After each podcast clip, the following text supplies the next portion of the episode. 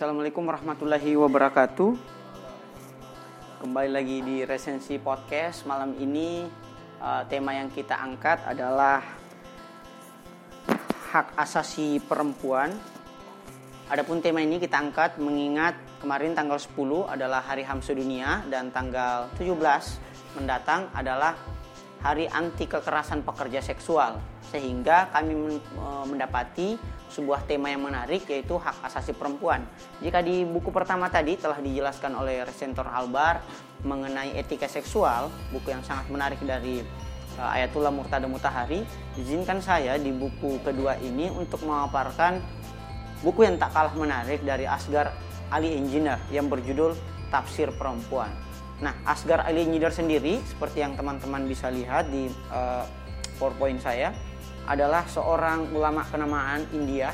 Jadi ini dari India. Mungkin sekarang uh, masih India kali ya, bukan Pakistan. Karena Pakistan itu Muhammad Iqbal. Nah, buku ini uh, di Indonesia itu diterbitkan oleh penerbit Kaktus pada 2018. Nah, adapun jumlah halamannya lumayan uh, panjang, tapi karena mengalir jadi saya membacanya kayaknya kurang lebih cuma beberapa hari, 400 408 halaman dan tersusun ke dalam 16 bab. Nah, gagasan penting buku ini adalah untuk mencoba menjawab kritikan Barat terhadap uh, rendahnya status dan kedudukan perempuan dalam Islam. Nah, uh, tetapi karena 16 babnya ini tidak berurutan, maka uh, hemat kami kemudian kami susun da, da, dengan cuman empat pendekatan saja, yaitu studi legal mengenai perempuan, kedudukan perempuan.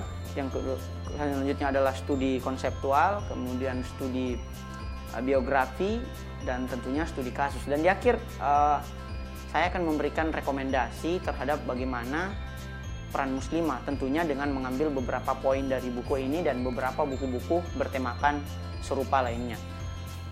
Nah,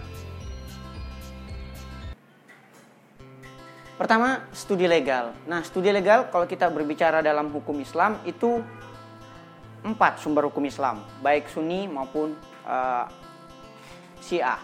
Nah, kalau Sunni ada Al-Qur'an pertama, hadis, ijma, kemudian kias.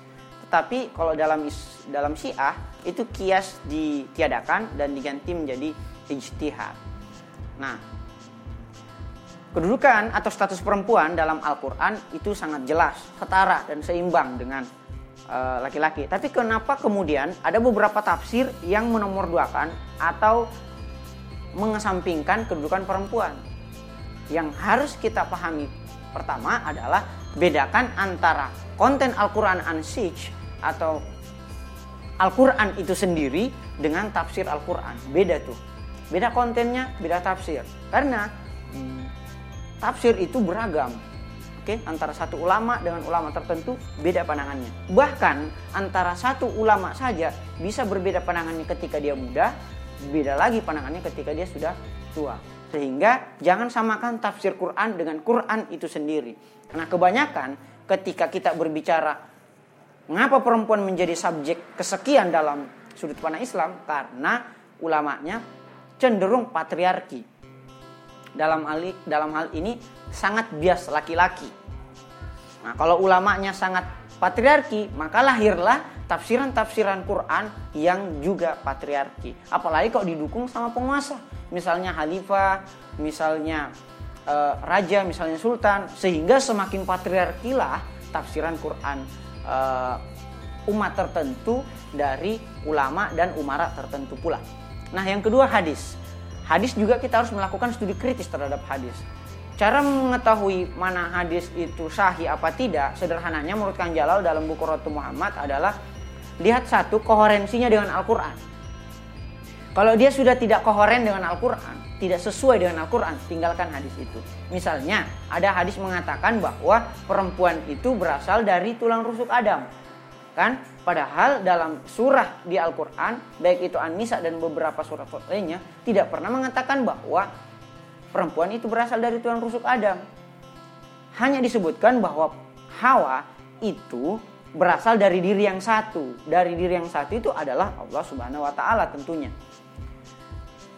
Ketika kita merujuk dari mana asal muasal hadis tersebut, ternyata kita mendapati bahwa penafsiran hadis yang mengatakan bahwa perempuan itu berasal dari tulang rusuk Adam adalah penafsiran Injili. Nah di Injil memang ditafsirkan bahwa perempuan itu berasal dari tulang rusuk Adam. Padahal dalam Islam tidak ada tuh seperti itu. Makanya kita harus koherensikan dulu nih Al-Quran dengan hadis tersebut. Cara kedua untuk mengukur kesahihan suatu hadis adalah memahami atau mengamati korespondensinya dengan akal sehat.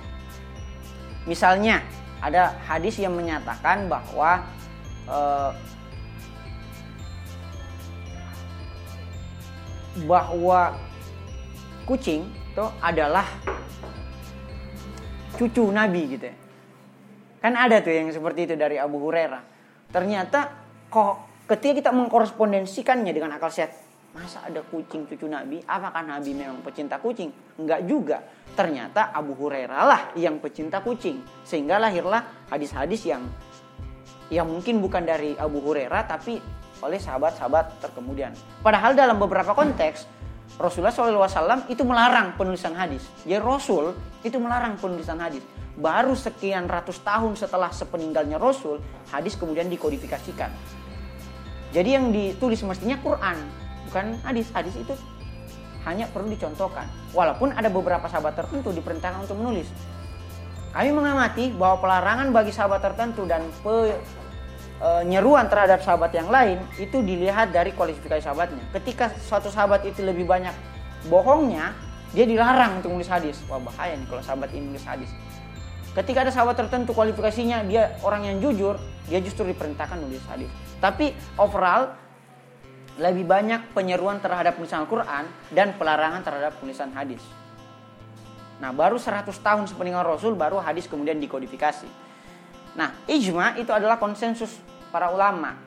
Jadi mengenai satu e, kasus tertentu biasanya sih dalam forum Batsul Masail kalau Datul Ulama. Setiap tahun atau tiga tahun sekali tuh ada ijma yang disepakati mengenai kasus, e, spesifiknya adalah kasus-kasus yang kontemporer. Nah, yang perlu dipahami juga ijma antara satu kelompok ulama tertentu dengan satu kelompok ulama yang lain itu terkadang berbeda. Nah, yang paling perlu kita rujuk adalah ijma dari kelompok yang kita yakini, ulama mana yang kita yakini, atau kalau mau main amannya ijma dari seluruh ulama gitu. Kalau seluruh ulama sepakat, nah itu baru kita ambil tuh. Walaupun dia bukan hadis, bukan Quran. Dan yang terakhir adalah ijtihad. Ijtihad itu adalah penalaran. Penalaran seorang mujtahid. Tidak sembarang orang bisa melakukan istimbat hukum. Misalnya kalau kita berbicara hukum Islam. Siapa sih yang bisa melakukan istimbat hukum atau siapa sih yang bisa melakukan ijtihad? Dia adalah seorang mujtahid. Seorang yang sudah bergelar fukaha atau minimal menguasai 40 cabang ilmu. Ilmu Quran, tafsir, ilmu rijal, hadis, ilmu nafsu, sora, nahu sora, ilmu uh, mantik, bahkan sampai kepada ilmu matematika. Kalau kita baca bukunya uh, Musin Labib, dasar-dasar hukum Islam, itu banyak uh, ilmu yang diperlukan untuk menjadi seorang mujtahid. Kita sekonyong-konyong langsung tiba-tiba bisa melakukan istimbat hukum. Apalagi kalau kita sementara PDKT nih. Gak bagus sih itu dalam Islam itu dilarang deh gitu. Ya. Lu siapa gitu. Ya. Terus yang tiba-tiba ceramahin orang terhadap satu uh, perbuatan tertentu kecuali argumentasimu mendasari pada Al-Quran. Itu pun harus kau jelaskan tafsirnya siapa nih yang kau rujuk, bukan tafsirnya kamu. Kecenderungan seperti itu biasa dilakukan oleh orang-orang yang dalam tanda kutip baru belajar tentang agama. Orang-orang yang baru belajar tentang agama, menurut Wahyudin, eh, kemarin ketika saya ikuti acara FKUB hari Rabu, dia adalah seorang ulama atau dosen di IAIN. Orang-orang yang belajar agama itu kecenderungannya selalu mau pamer terhadap ilmu yang baru dia pelajari. Padahal orang-orang yang mendalami agama 5, 10, 15 tahun itu nyantai-nyantai aja. Dia bicara ketika dia ditanya. Dia berkarya ketika dia uh, dibutuhkan karyanya gitu. Beda sama orang ilmu yang baru belajar agama. Oh, mau terus ceramah di mana-mana. Ada cewek baru dia lihat ceramah, Seng. Ada yang lihat di stat, uh, status agak-agak galau dia kemudian lahir melahirkan sebuah status yang bijak gitu dan sebagainya itu sama seperti orang kaya baru. Orang kaya baru itu kecenderungannya adalah menampilkan gelangnya di mana-mana dikasih bunyi-bunyi kan. Uh, uh, apalagi bajunya polo gitu kan selipitnya apa itu merek H di depan gitu. Kecenderungan orang kaya baru. Padahal orang yang kaya dari sononya misalnya Mark Zuckerberg ataupun Bill Gates itu santai. Kayak Zuckerberg itu kan pakai baju kaos ke mana-mana. Kayak Steve Jobs ke mana-mana sederhana aja levis lengan panjang. Bill Gates juga seperti itu. Orang-orang kaya baru gitu gitu yang pompaneknya mahal tuh uh, hajinya gelarnya di depan panjang gitu karena dia mau menonjolkan tuh identitas barunya. Sama seperti kayak orang baru belajar tentang agama, dia mau menonjolkan identitas barunya.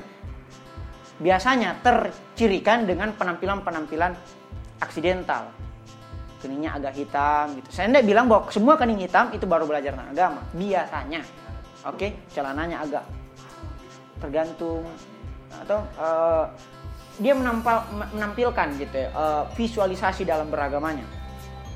Nah, sementara dalam Sunni itu diakui adanya kias atau analogi. Ini pembahasan lain mengapa Ahlul Bait menga me me mengakui ijtihad dan tidak mengakui kias sementara Sunni mengakui itu pembahasan lain. Saya kira sudah kita bahas juga dalam dasar-dasar hukum Islam. Nah, bahwa jika ulama yang kita rujuk itu patriarki dan hampir selalunya patriarki, maka lahirlah tafsir-tafsir Quran yang sangat patriarki atau hanya berpihak atau bias laki-laki sangat bias laki-laki sekarang selama ini tafsiran kita. Nah, apa maksudnya bias laki-laki? Kita eksplor lebih lanjut. Nah, kita bedakan dulu nih studi konsep konseptualnya. Secara garis besar itu cuma tiga secara garis besar pandangan ulama. Satu, ada ulama yang ortodoks, yang sangat patriarki, perempuan di uh, dalam rumah aja gitu ya. Bahkan kalau mau keluar ditemani suaminya dia harus diberikan cadar. Itu namanya ulama ortodoks. Dia memandang perempuan itu uh, lian dalam dalam dalam dirinya gitu hanya di orders dalam diri seorang laki dia hanya subjek kedua. Uh, lawan dari ulama ortodoks ada namanya ulama progresif. Dia justru menaikkan hak-hak perempuan. Bahkan kadangkala terlalu over juga dia mendukung perempuan. Kadangkala gitu ya. Nah, beberapa ulama yang progresif kalau dalam buku ini adalah Maulana Ahmad Usmani, mau Malawi Mufsa Alikan hingga Sirset. Ada banyak contoh-contoh di dalamnya dia yang dia rujuk bahwa ini ulama progresif. Kita tentunya gimana? Kita adalah ulama yang moderat. Ulama moderat itu artinya ulama yang tawasud. Dia berada di poros tengah gitu. Tidak terlalu mendukung perempuan yang berlebihan, atau ifrat tidak juga tafrid dalam artian uh, terlalu menomorduakan perempuan. Kita mestinya harus berada di jalan tengah atau tetap iktidal atau tetap seimbang. Nah sehingga kita harus tahu nih keberpihakan kita di mana gitu. kalau memang ada kasus-kasus di mana perempuan sangat terpinggirkan kita harus uh, seimbangkan lagi posisinya. Tapi ketika posisinya sudah seimbang memang jangan ditambah lagi gitu sehingga menjadi over Nah, ada beberapa contoh kasus di mana ulama progresif ini saking progresifnya dia menjadi liberal. Nah, kita masuk ke studi kasus. Ini aja ada banyak studi kasus nih. Saya hanya mengambil lima aja. Pertama, pemukulan istri. Kalau ulama ortodoks mengatakan ya memang dalam Al-Quran kita diperbolehkan memukul istri.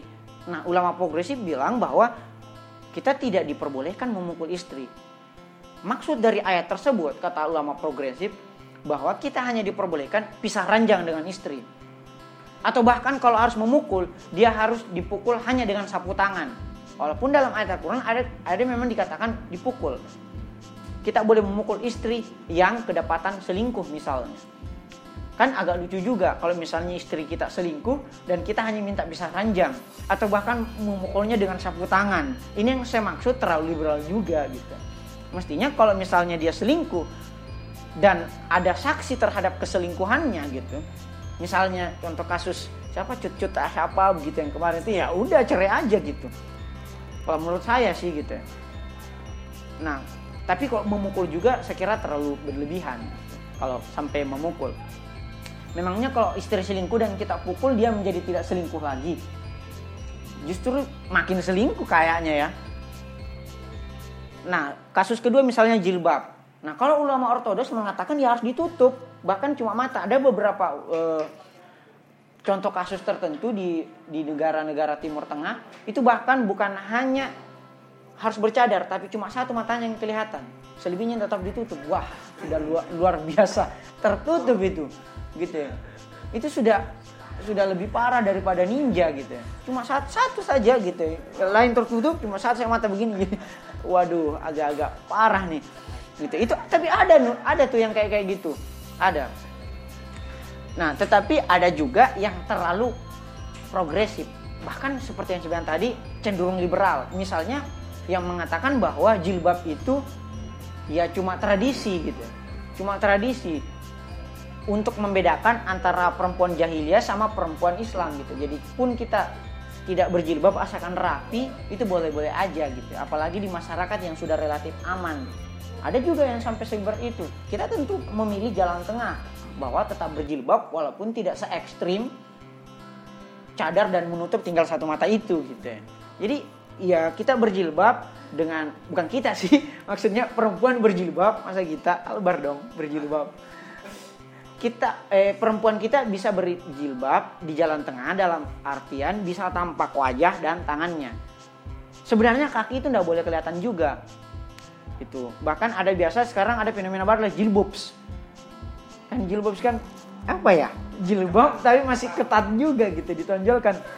Aduh kayak gimana itu terjadi apa ya terjadi disonansi antara ide dengan tindakan gitu di satu sisi kau mau dibilang saya muslim di sisi lain uh, kau juga kayak mau dibilang tapi saya seksi gitu jadi agak-agak gimana gitu kalau jilbab itu bahkan sekarang ada cross hijaber cross hijaber itu adalah orang yang berhijab tapi laki-laki ada, bahkan dia ikut dalam sholat di barisan perempuan. Itu namanya cross hijaber. Wah, sudah banyak sekali nih fenomena-fenomena. Nah, mestinya ulama-ulama kita harus lebih lebih proaktif dalam melihat itu. Nah, bagaimana dengan kesaksian perempuan? Dalam Al-Qur'an ada memang disebutkan bahwa kesaksian perempuan itu hanya setengah. Nah, eh, ayat yang menyebutkan itu mengenai tentang catatan utang. Bahwa ketika kau e, melakukan transaksi utang piutang, panggillah dua orang saksi laki-laki. Jika kau tidak mendapatkan dua saksi laki-laki, panggillah seorang saja dan dua orang perempuan. Nah, ulama ortodoks menafsirkannya berarti kesaksiannya perempuan ini cuma setengah.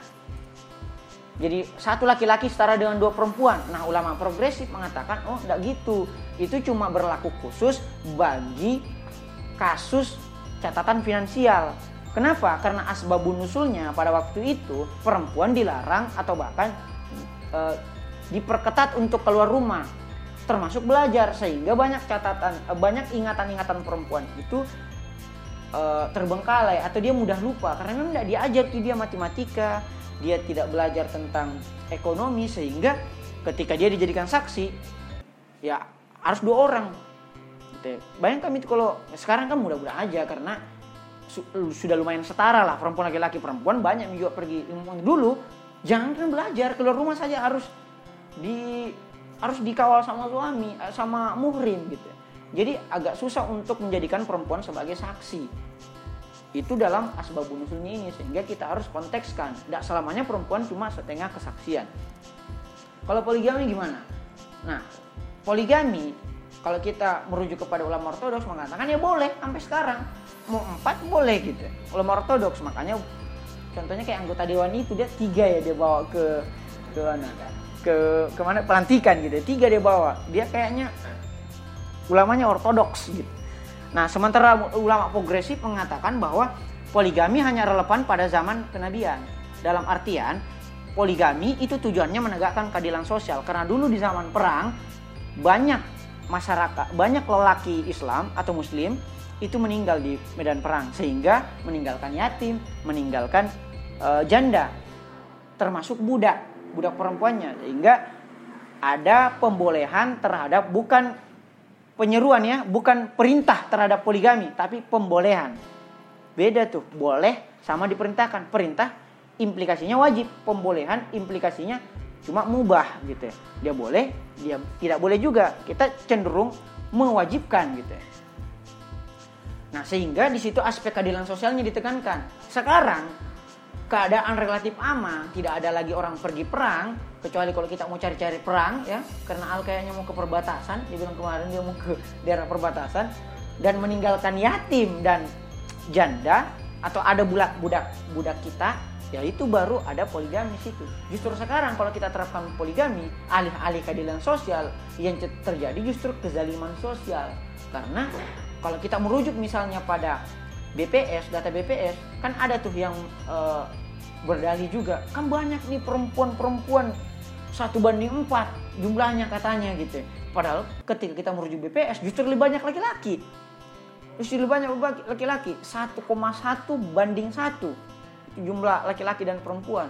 Jadi semestinya poliandri yang mesti dilakukan bukan poligami kalau kita merujuk kepada data-data kuantitatif gitu. Jadi jangan asal nyebut aja bahwa ini kan lebih banyak perempuan enggak, lebih banyak laki-laki malah. Nah, sehingga poligami hanya relevan pada konteks tertentu. Pada konteks sekarang yang relatif lebih aman, di mana jumlah laki-laki dan perempuan relatif berimbang, sehingga poligami menjadi bukan lagi keadilan sosial, tapi bahkan bisa jadi menjadi kezaliman sosial. Bahkan sekarang banyak ulama-ulama laki-laki yang justru menentang poligami dan bagaimana pula dengan perceraian? Nah kalau perceraian dulu Adi bilang talak tiga langsung, langsung ditalak tiga ki seorang perempuan. Padahal itu tidak diberlakukan di, di zamannya Rasul, bahkan di dalam Al-Quran itu tidak ada dalilnya gitu. Sekarang bisa aja gitu kita lihat ada orang yang lakukan talak tiga langsung. Dan kalau teman-teman berkeinginan untuk cerai, walaupun belum merit ya, harus ingat juga bahwa banyak hak-hak perempuan meskipun sudah kita ceraikan.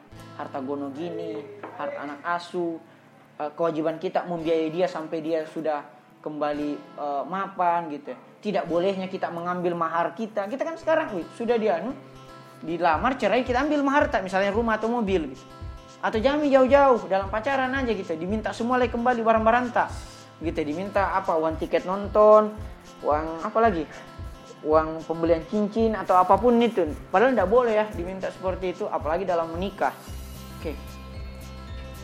Itu tadi studi kasus studi kasus mengenai uh, status perempuan dalam Islam. Sekarang kita masuk ke studi komparasi. Nah, studi komparasi menurut Asgar dia merujuk kepada uh, dua negara Islam yang relatif lebih progresif dibandingkan negara-negara Islam lainnya. Dalam hal ini Mesir dan Yordania. Menurutnya Mesir dan Yordania itu relatif lebih progresif dalam hal pemberlakuan hukum pidana dan perdata Islamnya.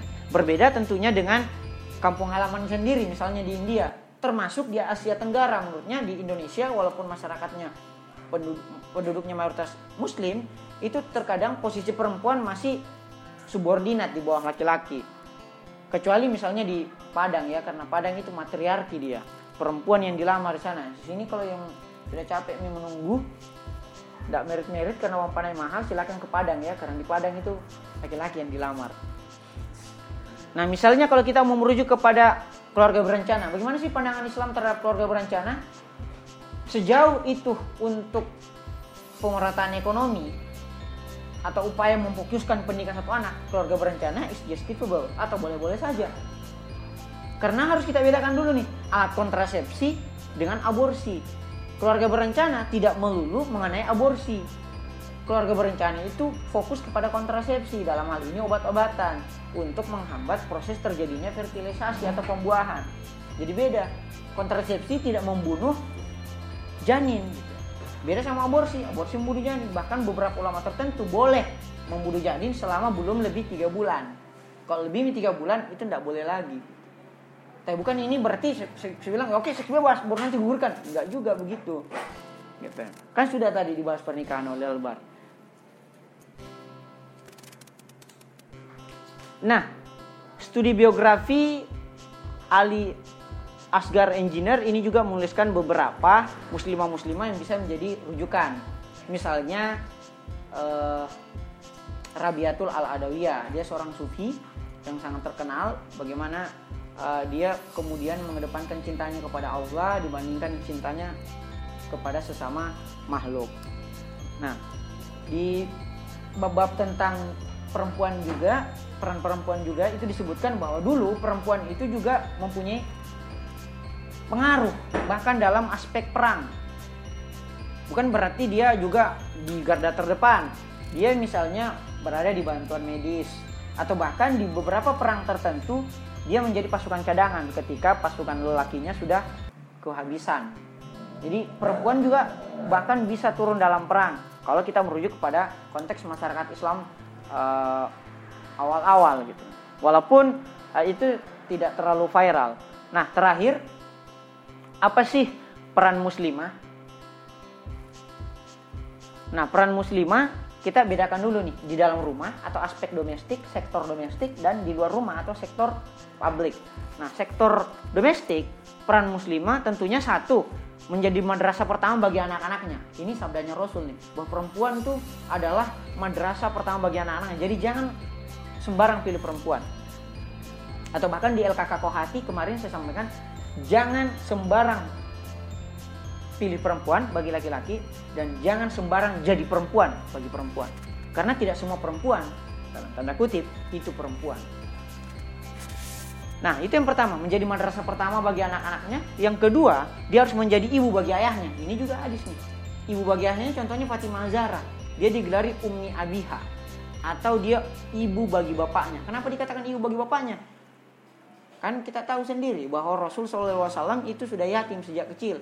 Kelahiran Fatimah justru menjadi sosok ibu dalam uh, kerinduan Rasul terhadap peran ibu gitu. Jadi makanya dikatakan Ummi Abiha dia yang membasuh luka-lukanya. Rasulullah SAW ketika uh, selesai perang dia yang mencuci pakaiannya Rasulullah.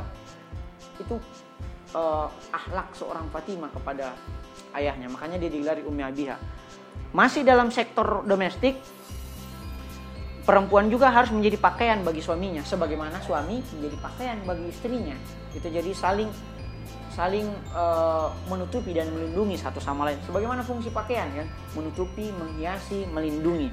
Begitulah hadis dalam Al-Qur'an menjelaskan mengenai peran muslimah. Kalau dalam sektor domestik, bagaimana dengan sektor publik? Apakah perempuan tidak boleh keluar rumah nih? Boleh dong.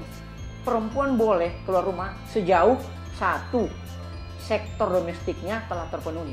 Kan banyak juga perempuan sektor domestik terbengkalai, dia tiba-tiba mau mengurus sektor publik. Misalnya uh, misalnya langsung tiba-tiba mau jadi anggota dewan juga mau jadi wali kota dan sebagainya. Is justifiable selama sektor domestiknya telah terpenuhi bukan berarti laki-laki tidak punya tanggung jawab domestik punya juga dong. Punya juga laki-laki seimbang nih dua-duanya tapi ketika sektor domestik perempuan selesai barulah dia bisa ke sektor publik sebagaimana laki-laki. Apa tuh perannya di sektor publik? Perannya bisa aja tiga nih kalau saya sebutkan, yaitu dia bisa uh, berperan dalam bidang pendidikan, ini yang paling penting. Dia bisa berperan dalam bidang ekonomi, pemerataan ekonomi atau percepatan ekonomi, dan dia juga bisa berperan dalam kesehatan, baik di rumah tangganya maupun di masyarakat. Sekian dulu resensi podcast kali ini. Terima kasih. Wassalamualaikum warahmatullahi wabarakatuh.